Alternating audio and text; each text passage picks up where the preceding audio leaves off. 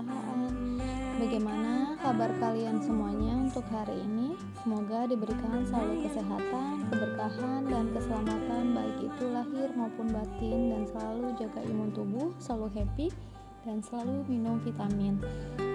Untuk hari ini materi yang pertama minggu lalu yaitu tentang bisnis bisnis itu apa sudah kalian dengarkan ya teman-teman nah minggu ini yaitu tentang perusahaan apa saja sih materinya yang akan dibahas tentang perusahaan yang pertama yaitu pengertian perusahaan itu sendiri lalu eh, tempat kedudukan dan letak perusahaan yang ketiga adalah perusahaan dan lembaga sosial macam-macam lingkungan perusahaan pengaruh lingkungan terhadap perusahaan, lalu ada pendekatan dalam melihat bisnis dan lingkungan.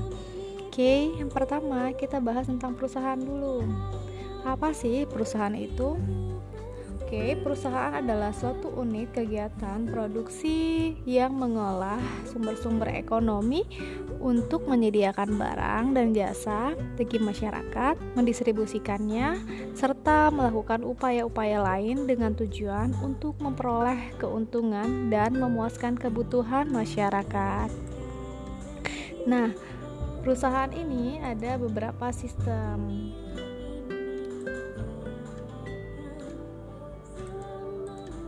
perusahaan di sini e, memiliki sistem di mana sebagai satu sistem, sistem adalah kesatuan atau unit yang terdiri dari sub-sub unit yang saling bekerja sama atau saling mempengaruhi secara langsung ataupun tidak langsung dalam mencapai tujuan tertentu. Nah, sifat sistem perusahaan itu ada lima, yaitu kompleks, satu kesatuan, berjenis, saling bergantung dan dinamis. Kenapa kalau di sini kok ada yang dinamis? Karena e, harus e, fleksibel. Kalau kita perusahaan harus ber, berfleksibel dan saling ketergantungan satu sama lain sehingga kita bisa leluasa untuk melakukan aktivitas di perusahaan terkait dengan sistemnya. Nah, yang selanjutnya yaitu adalah letak perusahaan. Letak perusahaan adalah tempat perusahaan melakukan kegiatan fisik atau pabrik. Lalu letak perusahaan itu dipengaruhi oleh faktor ekonomi dan merupakan salah satu faktor yang penting yang menunjang efisiensi perusahaan terutama dalam kaitannya dengan biaya. Ini yang paling penting nih teman-teman karena kalau yang faktor ekonomi ini kan paling krusial apalagi tentang biaya ya itu sangat-sangat menunjang adanya efisiensi dan efektivitas bagi e, perusahaan itu. Ada faktor-faktor yang terkait dengan mempengaruhi biaya. Yang pertama adalah harga bahan mentah atau bahan pembantu ada ataupun bahan baku. Lalu yang kedua adalah tingkat upah buruh. Lalu ada tanah, ada pajak, ada tingkat bunga, biaya alat produksi tahan lama, dan biaya atas jasa pihak ketiga. Ini yang mempengaruhi adanya biaya-biaya di dalam perusahaan. Jadi paling penting tuh ada 7 poin tadi.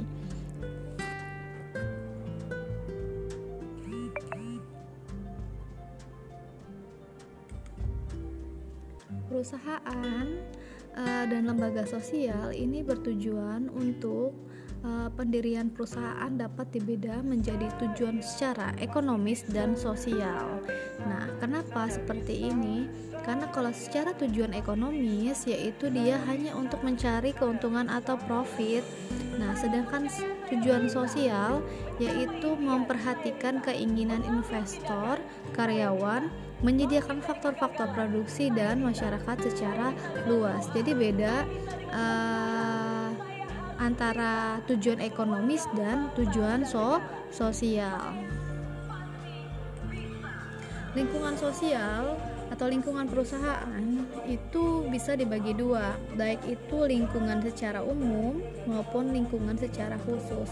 Nah, kalau secara lingkungan secara perusahaan, kalau lingkungan secara umum itu bisa berdampak kepada dunia politik, so, hukum, sosial, perekonomian, kebudayaan, lalu ada pendidikan, teknologi dan demokrat demografi atau kebiasaan dari masyarakat setempat itu lalu uh, kalau secara khusus itu ada uh, supplier, ada konsumen dan yang pasti adanya pesaing. Pengaruh lingkungan bagi perusahaan itu ada dampak positif dan dampak negatif. Apa aja dampak positifnya?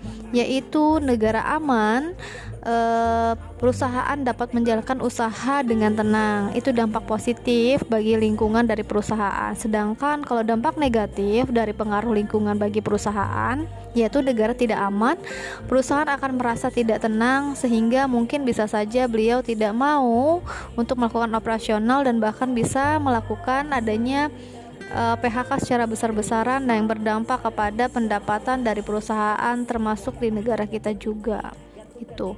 Nah, pertanggungjawaban perusahaan kepada siapa aja sih? Yang pertama adalah investor atau pemberi modal, yang kedua adalah tenaga kerja, lalu yang ketiga adalah konsumen, keempat perantara, lima pemerintah, keenam penyedia, tujuh pesaing, dan 8 lembaga penelitian serta lingkungan. Ini paling penting, tanggung jawab yang paling serem itu adalah lingkungan. Kenapa? kita tidak hanya bisa berpikir untuk mendapatkan profit, tapi juga kita bagaimana bertanggung jawab kepada lingkungan sekitar, yaitu terkait dengan adanya limbah, baik itu limbah padat maupun limbah e, udara dan limbah melalui adanya e, banyak ya udara, tanah e, sampai dengan e, sungai. Itu kan punya tanggung jawab bagi perusahaan untuk bagaimana caranya mengatasi sehingga uh, ekosistem yang ada di sekitaran kita itu tetap aman dan nyaman sehingga kita terjauh dari adanya penyakit. Oke, okay, itu materi tentang perusahaan. Uh, tugas kalian adalah kalian buat yang namanya perusahaan untuk brand kalian seunik mungkin, se lucu mungkin sehingga kita gampang untuk mengingatnya. Oke, terima kasih. Wassalamualaikum warahmatullahi wabarakatuh. Salam ya wars. Miau.